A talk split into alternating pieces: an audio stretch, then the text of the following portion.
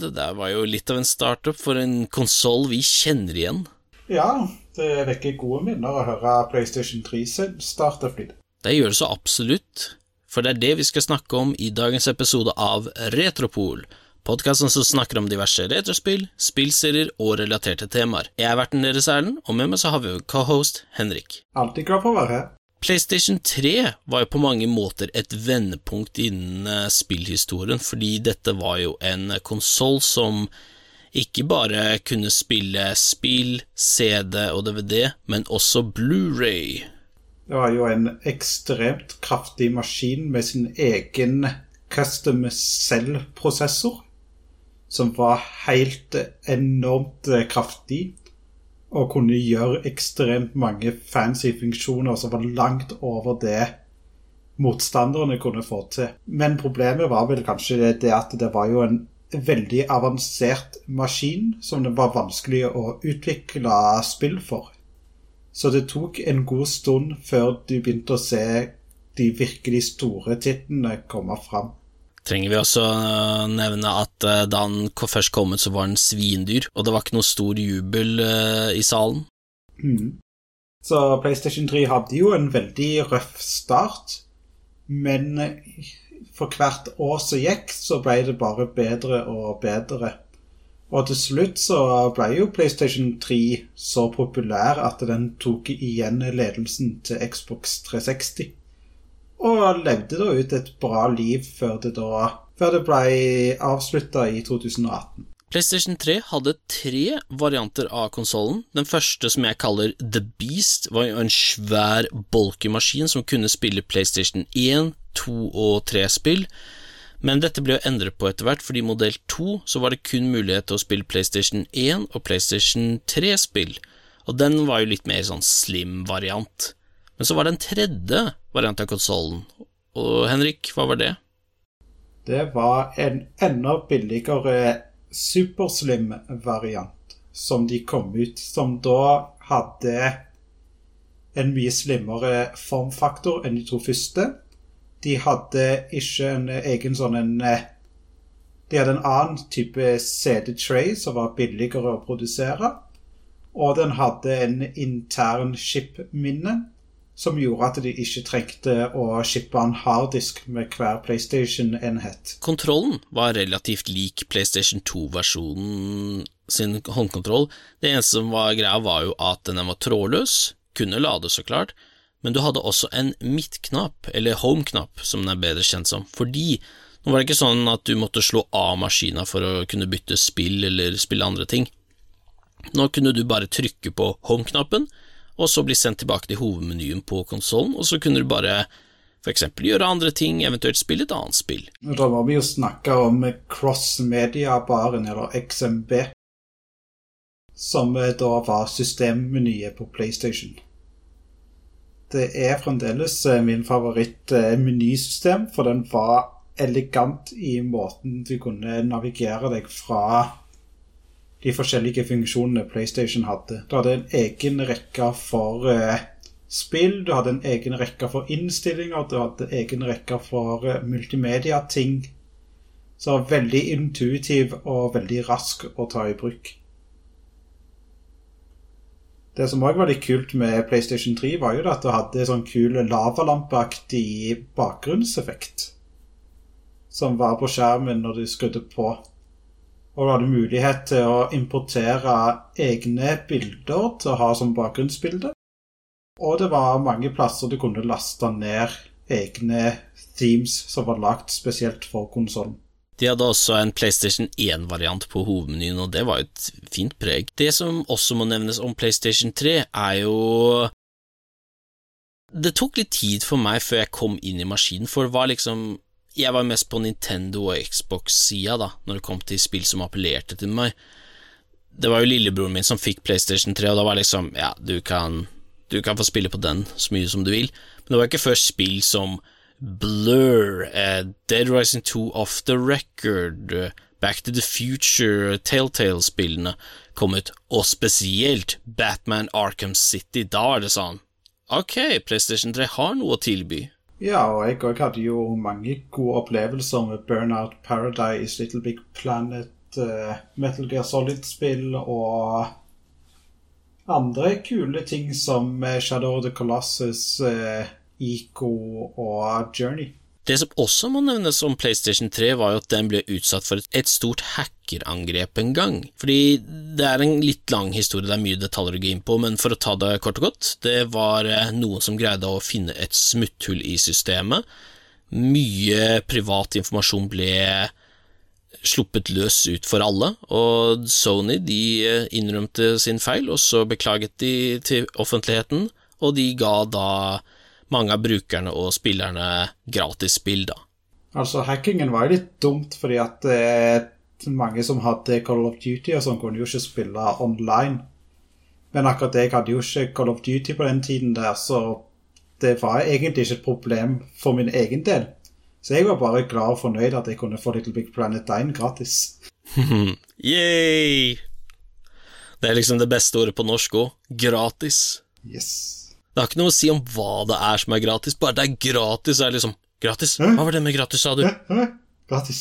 Og slik som det er med våre konsollepisoder, så pleier vi alltid å snakke om et par spill da, som kom ut i konsollen, for det vil jo være lyttere som kanskje er interessert i å skaffe seg konsollen, men så er de sånn ja, du, jeg tenker å skaffe meg den her, men jeg er ikke helt sikker på hvilket spill jeg burde spille, hva kan dere anbefale? Henrik og jeg har uh, Has Got You Back, fordi vi har valgt å ta for oss to spill hver, og så skal vi gå felles om én for denne episoden. Og jeg tenker vi begynner med Henrik, for vi må jo starte med et smell. Den kanskje en av de aller første sånn skikkelig heavy hitterne som kom ut på PlayStation 3, var jo Metal Gear Solid 4, Guns of the Patriot. Dette var jo da en etterlengta oppfølger fra Metal Gear Solid 3 Snake Eater, som kom ut på PlayStation 2. Og følger da historien til Solid Snake og hans eh, spionoppdrag, der han da ofte blir sendt ut på en hemmelig plassering, og må da infiltrere seg gjennom fiendtlig territorium for å fullføre oppdragene han blir satt ut på. Dette er vel et spill som er enklere å spille og kanskje sterkere anbefalt dersom du har spilt de tidligere spillene i serien. Men en HD-remaster gjort av Bluepoint Games finnes på konsollen, som gjør det mulig å spille både Metal Gear Solid 2 og Metal Gear Solid 3. I tillegg så kan du spille Metal Gear Solid 1 gjennom backwards compatibility. Det som på en måte er stort i, med dette Metal Gear Solid-spillet i forhold til de tidligere, er jo bare hvor langt Konami pusha PlayStation 3. Hele bare, bare for å si det sånn Spillet er på 25 gigabyte. Og grunnen til at det er på 25 gigabyte, var fordi at Hideo Kojima sa Vent, en Blu-ray-disk har jo 25 gigabyte. Det betyr at vi ikke trenger å komprimere audio. Så på en måte 80% av spillets størrelse gikk kun til audio, fordi at de ikke komprimerte noe som helst. Mm. Ja, det er litt spesielt. Og det Ja, men det PlayStation 3 hadde utrolig bra lydprosessor, var faktisk bedre enn PlayStation 4. Så de hadde helt fenomenal lyd i det spillet der, med masse bra høykvalitets lydeffekter. Det var som en slags eh, kinoopplevelse til tider. Men det er kanskje òg det som er litt kult, for det er jo et veldig sånn cinematisk spill. Det har jo vært det både før og etter dette spillet her, men dette spillet pusha jo den der cinematiske biten mange hakk opp fra tidligere, med cutscenes som er omtrent en time lange. Der du kan faktisk pause cutscenen fordi at de er bare sånn at jeg har lov til å gå på do mens det holder på. wow. Jeg har ikke vært borti det så ofte, at du faktisk kan ta pause i en cutscene. Unntak er vel Conquer Live and Reloaded på Xbox, men uh, det er litt sånn off topic. Og kan du si det er kule missions som er veldig detaljert. Du har mange måter å gjemme deg på. Du har flere veier til dine mål. Du har veldig kule bosskamper mot eh, interessante fiender. Og du har en klimaks av en historie som på en måte bare blir større og større og større. Så det er på en måte en sånn hyllest til alt som kom tidligere, og er absolutt et uh, Metal Gear Solid-spill du bør uh, spille dersom du ikke har spilt andre Metal Gear Solid-spill. Mm. Det neste spillet jeg skal ta for meg, er et som kommer på PlayStation Network. På denne tiden så begynte jo konsoller som Xbox 360, PlayStation 3 og til og med Nintendo Wii ha de egne digitale butikker, hvor du kunne kjøpe billigere spill, mindre også, som du kunne laste ned til konsollen. Du trengte ikke gå ut i butikken og kjøpe det fysisk, du kunne bare laste det ned digitalt, så var spillet der tilgjengelig for deg å spille. Og det, jo, det skal jo sies at en del av disse spillene har jo kommet ut på andre konsoller, inkludert uh, mobil. Men for å ta for oss et som i hvert fall kom ut på PlayStation 3, det er et lite arkadespill ved navn Jetpack Joyride. Jetpack Joyride innebærer at du spiller som en ved navn Barry, en fyr som eh, tar en jetpack og flyr gjennom en undergrunnslaboratoriebase Målet ditt er så enkelt som å prøve å komme lengst mulig frem uten å dø, men det er jo et arkadespill, så før eller senere dør du. Men målet blir da å se hvor langt du kommer, og få høyest mulig high score. Og sånne såkalte Endless Runner-spill har jo skjermen i det at det er De har kule gimmicks, du har eh, en high score som du alltid vil pushe deg for å komme høyere på. Og så er det jo det at eh, du får en belønning av å spille bra, og du kan bruke opptjente midler til å kjøpe ting i spillet. Og pengene bruker du da til å kjøpe kosmetikk, power-ups, upgrades Jeg liker for eksempel å bruke det på ting som gjør at det blir mye gøyere å spille, blant annet eh, jetpacken, fordi ikke bare kan du få en tradisjonell jetpack, men du kan også få den til at den blir en Gatling gun, eventuelt eventuelt skyter ut såpebobler. Såpebobler? Yes, såpebobler. Fordi hvorfor ikke? Ja, men Det kan vel sikkert være ett sanne, det. Mm. Ellers så er jo grafikkstilen veldig cartoony. Musikken er sånn som pumper deg eller får deg veldig sånn ah, prøv en gang til. Og sånn sett er det ikke veldig mye å si om spillet utenom at det er sånn det er verdt å spille i sånn fra 30 minutter til en time, men jeg vil ikke anbefale lenger enn det, fordi det er et sånt spill som etter en stund så blir du ganske lei av å spille det, så det er best å liksom spille sånn maks én time dagen, og så liksom vente til neste dag før du spiller igjen. Og igjen. Og igjen. Og igjen. Og sånn det er med PlayStation 3, så har det ofte vært eh, en serie med spill eller et enkelt spill som virkelig får deg til å vurdere om du har lyst på maskinen. Og i mitt tilfelle så var det bare ett spill som skulle til for at jeg var interessert i PlayStation 3. For eh, jeg hadde jo PlayStation 2 ganske lenge, og jeg var fornøyd med den. Og så ble jeg jo introdusert til Nintendo Wii. Og jeg var jo mye mer interessert i motion-kontrollene og alle Nintendo-spillene, mer enn det jeg var interessert i de kraftigere maskinene som Sony og Microsoft kom ut med. Men så var det en dag der en kompis av meg spilte Little Big Planet.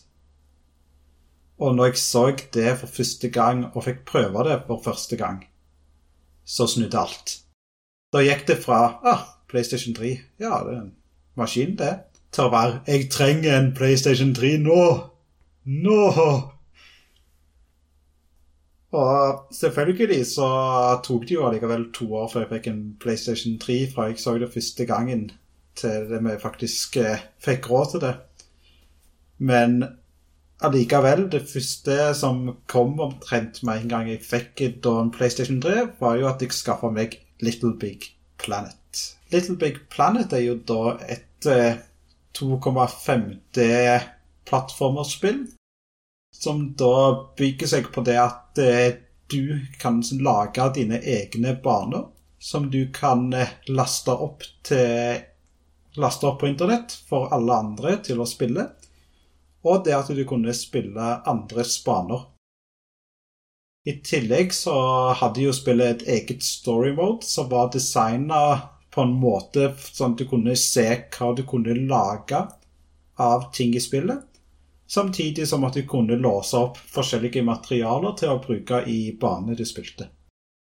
Det er litt spesielt, fordi det som er nevneverdig med Little Big Planet, er jo i motsetning til spill som Super Mario Brothers og sånn, som har en sånn spesifikk artstyle, så er det sånn Yoshi-spill har jo brukt blant annet stil som får det til å se ut som det er tegnet med en fargestift, eller at det er sånn tøybasert uh, plushy-stil eventuelt plastelina for Kirby, men så har du dette spillet, så ser jeg som det er brukt med sånn derre sånn der arts and crafts-opplegg, og det, det, er det som jeg synes gjør det så unikt, fordi spill som dette gjør at når du ser på det, så får du et inntrykk av at vet du hva, hvis jeg virkelig satte inn litt tid og penger, så kunne jeg faktisk lagd, gjenskapt disse banene her i virkeligheten. Og det som på en måte var så gøy, var jo det at eh, selv om at det på en måte hadde begrensninger i hvor mye ting du kunne ha, det var bare tre planes du kunne bevege deg mellom, så kunne du gjøre så utrolig mye med de begrensningene der. Du hadde masse game modes, du hadde historiefortellinger, du hadde survival modes. Du hadde alle mulige ting innimellom folk som bare lagde historier òg, til og med. Så det var på en måte ingen grenser egentlig på kreativiteten du kunne putte inn i spillet. Og det er jo utrolig gøy. Altså, jeg elsker sånne spill hvor du får muligheten til å lage egne baner, karakterer og sånn. Spill som Conan Exiles, Penny Racer, Super Mario Maker, det bare gjør at du får muligheten til å slippe løs kreativiteten din og virkelig komme på mye rart og artig. Jeg husker jo det at eh, den mest populære banen i Little Big Planet 1 var Little Dead Space. Som var bare en slags eh, Dead Space-variant av Little Big Planet. Og I tillegg så hadde du jo flere konsepter der du har Bomb Survival minigame. Der du da er på en bane og så kommer det masse bomber som bare regner ned fra ingen steder og eksploderer. Og ting bare knuser, og målet er jo da å komme helt ned til bunnen der målet er, og overleve bomberegnet. Og når meg og en kompis så dette her, så brukte vi to uker på å designe vår egen bomb survival minigame. Og det som var kult med Little Big Planet, er jo at det var fire player co-op. Du kunne spille enten couch co-op eller online, eller en kombinasjon av delene. Og det gjorde jo òg at når du gikk og lagde baner, så kunne flere folk holde på å konstruere ting i din egen bane. Kunne til og med invitere folk online og få de til å være med og bygge banen din i real time på sin egen PlayStation 3. Uh, det er jo gøy.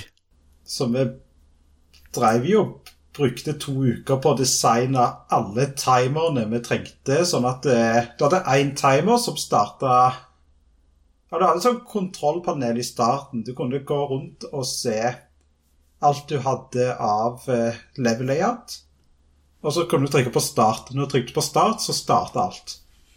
Og du hadde en sånn eh, forskjellige knapper for å velge hvilke våpen du ville ha med. Og så kunne du velge om det skulle være dag og natt. Når du hadde trykt alle de tingene der på, så starta først én timer der det var bare standardbomber som regna ned og sprengte. Og etter en liten stund så kom flere typer bomber. Det kom cluster bombs, det kom kraftigere bomber, og det kom med sånne forskjellige tidsintervaller som gjorde at det ble bare enda mer kaotisk jo lenger ut i spillet du var. Og bare husker det at det var en utrolig gøy bane å være med og designe. Og det er en sånn bane jeg fremdeles eh, har spilt litt i seinere tider. Mm. Det som kanskje er jo litt dumt med sånne spill hvor du har mulighet til å laste opp leveler online, som alle kan spille, så er jo det sånn som ikke varer evig på grunn av serverne må jo etter hvert eh, lukkes på grunn av eh, at det blir jo dyrt og kostbart Nei, det blir kostbart å holde på med det så lenge. Ja, og det var jo det som til slutt eh, skjedde med Little Big Planet 1. Det, serverne skrudde jo av for mange år siden. Men heldigvis så har jo Media Molecule lagret alle banene designa i Little Big Planet 1. Og de er spillbare i Little Big Planet 3 på PlayStation 4. Så selv om du ikke kan gjøre noe i Little Big Planet 1, så kan du i det minste spille de samme gamle, gode banene i Little Big Planet 3. Og fra ett spill til et annet så går vi over på enda et arkadespill, men denne gangen en arcade puzzle, hvis jeg kan kalle det det, nemlig Peggle, lagd av de samme som lagde Plants vs. Zombies, nemlig PopCap. Så det som er greia, er jo at dette er jo puzzlespill, men det er et slags pachinko arcade puzzle, hvis jeg skal være litt mer spesifikk. Det det går ut på, er at uh, du starter på et level. Målet er å fjerne da oransje pegs som er eh, på brettet. Det består som regel av blå pegs, men eh, målet ditt er å fjerne alle som er oransje. Og når det er gjort, så er levelet fullført, og så hopper du til neste level, og så fortsetter det til spillet er ferdig. Men du har også da grønne pegs, som gir deg da en eh, power-up, fordi hvert level har da at du enten får utdelt eller kan velge en såkalt mester som hjelper deg, som hjelper deg på en eller annen måte. For eksempel så har du maskoten for spillet, Bjorn the Unicorn, og da viser den deg hvor ballen kommer til å gå i det første skuddet. Og så har du et par andre mestere, men det kan vi komme tilbake til, fordi det som må nevnes, Henrik, hva skjer når du fullfører ett level?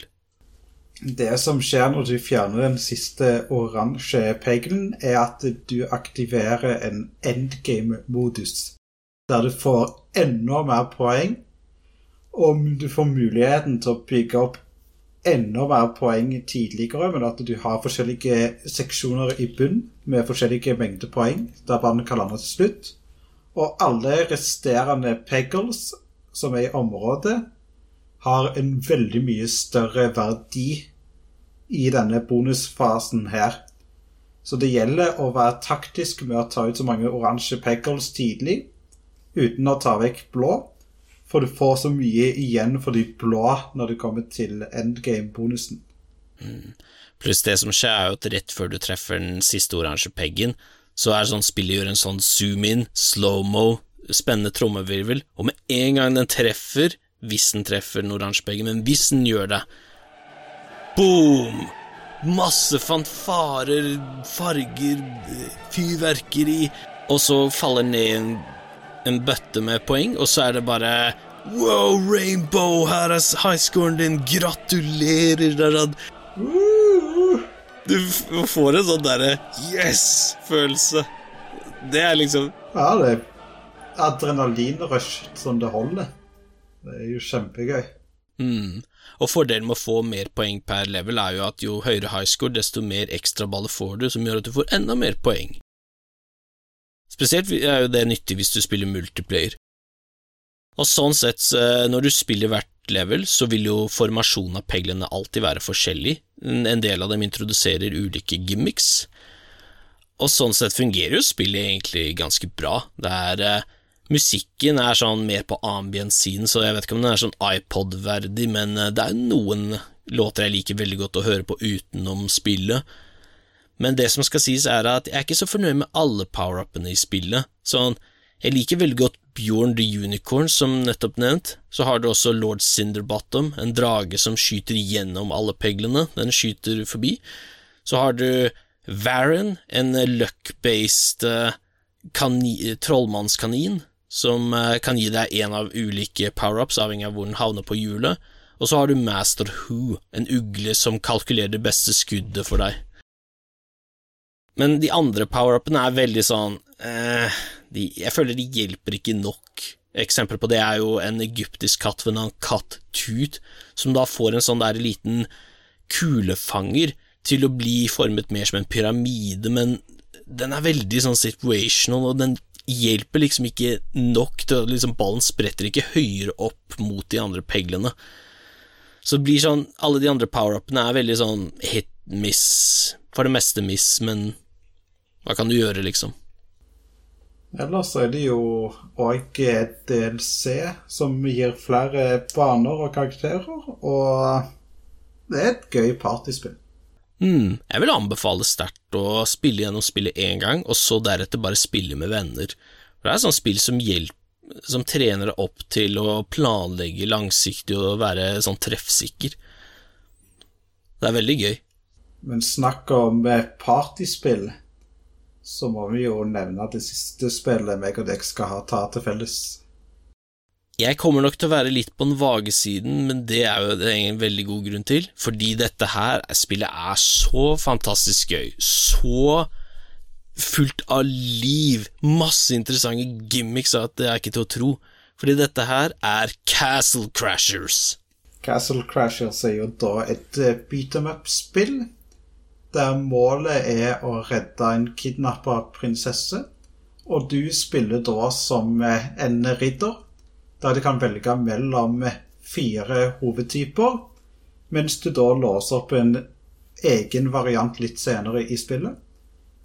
Og hver av de fire ridderne har sin egen spesielle elementbonus. Du har grønn, som har poison, du har rød, som har lyn, oransje, som har flamme, og blå, som har is. Mm. Spillet går ut på at du går fra level til level, område til område, og så er det sånn at hvert level består av at du er på en sånn skjerm, fiender dukker opp, du må kverke dem, så blir du guidet til neste del av den skjermen, og så fortsetter dette til du har fullført spillet, hvor du får som regel en premie. Og sånn sett, hvordan dette spillet fungerer, er artstylen er fantastisk. Det er sånn cartoony stil, men med litt sånn Det har en sånn 2000-talls flash-stil, der alt er på en måte håndtegna, men det er veldig sånn simplistisk, det er veldig røft. det er ikke noe sånn veldig polert, kan du vel si. Men det det at det ikke er så ekstremt polert som en del av skjermen allikevel.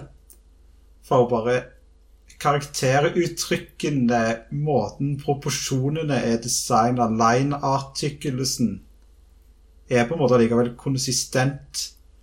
Og de går alt inn på akkurat den artstylen der, og bruker den til alt det er verdt. Mm. Artstylen er excellent, og så er kontrollen tight. Det er masse power-ups og diverse ting du kan åpne opp etter hvert som du spiller spillet lengre og lengre. Pluss, altså, musikken er Den er konge. For å nevne et par eh, nevneverdige låter, så har du The Map Screen, du har Wedding Crashers, og så klart The Painter Boss Theme. Og så har du jo òg eh, Catfish Theme og seiersmusikken og bare alt innimellom. Det er så high energy med masse catchy låter og mye inni der som er absurd, men det allikevel bare fungerer med den stilen der. Så det er bare et banger soundtrack som er gøy å høre på. Mm. Pluss, vet du hva, dette spillet her det har så mye gøy at hvis det er bunnpunkt, så glemmer du det omtrent like fort som uh, lynet. Fordi dette spillet her Jeg vet jeg ikke sier så veldig mye sånn hva spesifikt det er som gjør det så gøy, men det er rett og slett bare Det er så bra at, vet du hva Det beste jeg kan anbefale, er rett og slett Hvorfor sitter du her og hører på denne episoden når du kan gå og spille det nå? Det er et must have og must play. Ikke bare nok med det. Det er et spill som har co-op. Du kan spille med opptil tre andre venner. Så ta og bestill pizza. Inviter tre av dine beste venner. Få de til å kansellere planene for den kvelden. og inviter de til å spille Castle Crashers med deg. Du kommer ikke til å angre på det. Dette spillet her er så moro at dette her kommer du til å huske lenge. Bare rett og slett gå og spill det nå. Og jeg synes fremdeles det er en liten artig ting at eh, når du fullfører en bane, så avslutter du med å ha en beat em up-konkurranse mot dine egne lagkamerater, der det gjelder å være den som vinner. Alt i alt, PlayStation 3 er en konsoll som har veldig mye å tilby, i hvert fall med tanke på spill og andre, hva skal jeg si, multimediemuligheter. Ja, og ikke nok med det. Det er masse gode PlayStation-spill vi ennå ikke har fått tid til å snakke om, som Ratchet Clank, Uncharted eh, Mindre sånne kule spill som Fat Princess og Journey og Super Rubberdub, for eksempel, det er et enormt bibliotek med veldig sterke spill. Og det at den var i HD-æraen, gjør at det er lett å koble det opp mot en HD-TV. Så absolutt. Vi får spare de andre spillene vi har lyst til å prate om til fremtidige Retropol-episoder, så det er bare å glede seg. Og med det så er vår episode ferdig. Tusen hjertelig takk for at dere hørte på, og så fortsetter vi, fordi vi har nemlig fått et innslag fra en av våre lyttere, ved navn Mahine. Oi. La PS3, the PS3. It was a part of my childhood, a large part of my childhood. Since it arrived in France in 2007, I remember picking it up at a local supermarket. And it was more for playing PS2 games because everyone around me was talking about the greatness of Jack 4 that will happen in no time and there was leaked images and everyone were like oh that's great. We'll have a final game about the Jack and Daxter franchise. And I just picked it up. I was I was the kind of girl that just wanted to see them kiss again. So this console love today. I don't think that people had it in their lives, but if you had the OG PS3, it had a tendency to have the yellow light of death a lot, like a lot. I mean, if I had a penny each time it yelled on me, I would be rich, which is weird, actually. And so I was curious, why is it dying so much? And all the forum I was on was saying, hey, fix your PS3, fix your PS3, Jak 4 will be coming soon, let's check the E3. And so I was like, okay, I need to fix it. And so I just watched some tutorials on the internet and followed some some things I saw there and there and I was like, okay, so put the PS3 on the fridge. In the fridge, not on, but in the fridge.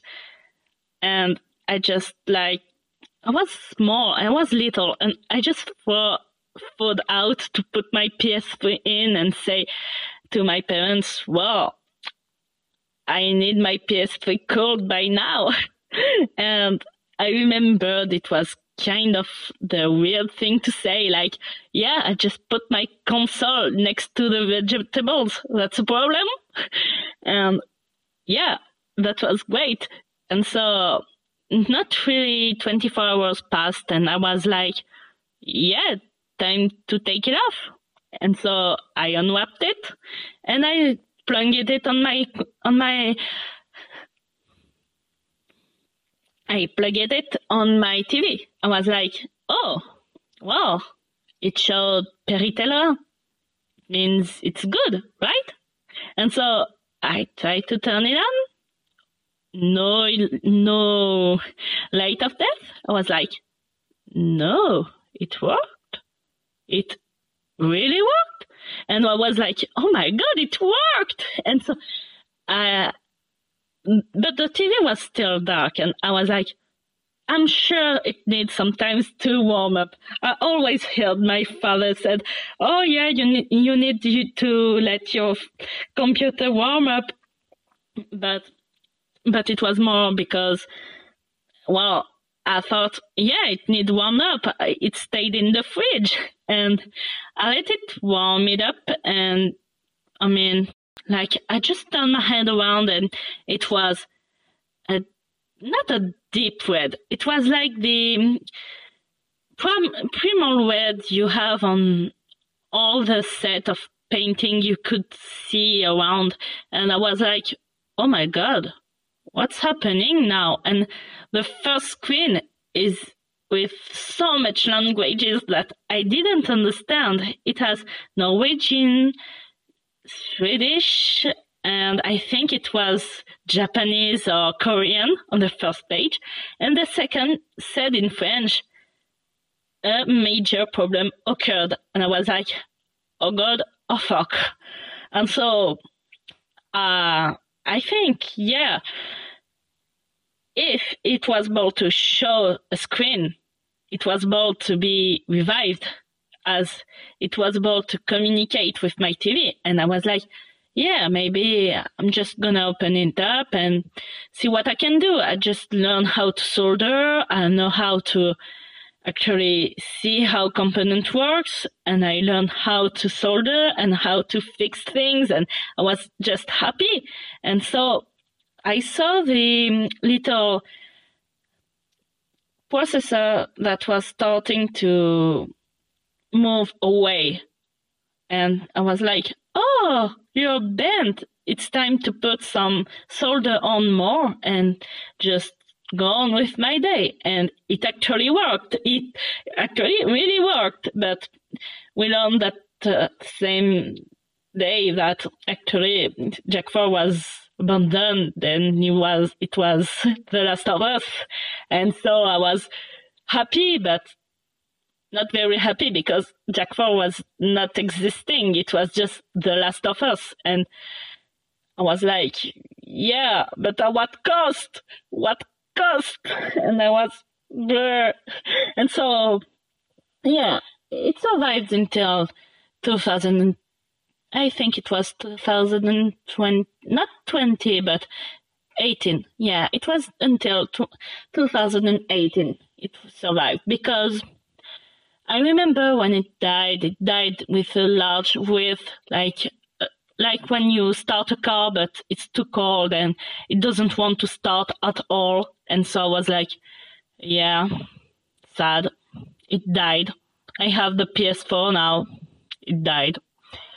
And I have still its carcass somewhere. I, I still have the, the core for this PS3 somewhere, but it died. And I was curious about all the yellow light I had encountered in my life. I was like, why did this happen so much? And I had my friends and my husband that was having all the Xbox 360. And I was like, oh, you had something like that too. And I was curious because it was made in 2006 and a lot of components of this time had all the same problems. And so I was like, okay, let's just research it out. I mean, we have the internet now. We're in 2018. Uh, we have the internet. We're not in 2006. We have YouTube. We have everything. And so I searched it up and I saw that Europe banned actually lead based soldering and the manufacturers were not used to use the copper aluminium alloy that was authorized and was is actually used and still used and now being really used uh, better because we don't have this kind of death we had before and now if, even everyone can use uh, this mix of copper and aluminium but wow it was quite the shock the red screen was quite the shock. And I think our PS need a red screen to remember that everyone is not safe from a corruption. Thank you very much, Mahene. We appreciate that a lot. Og nå er episoden ferdig. Følg oss på Twitter at retroport64, eller så kan dere sende oss mail retroport64 at protonmail.com. Tusen hjertelig takk for at dere hørte på. Ha det bra! Ha det bra, ja.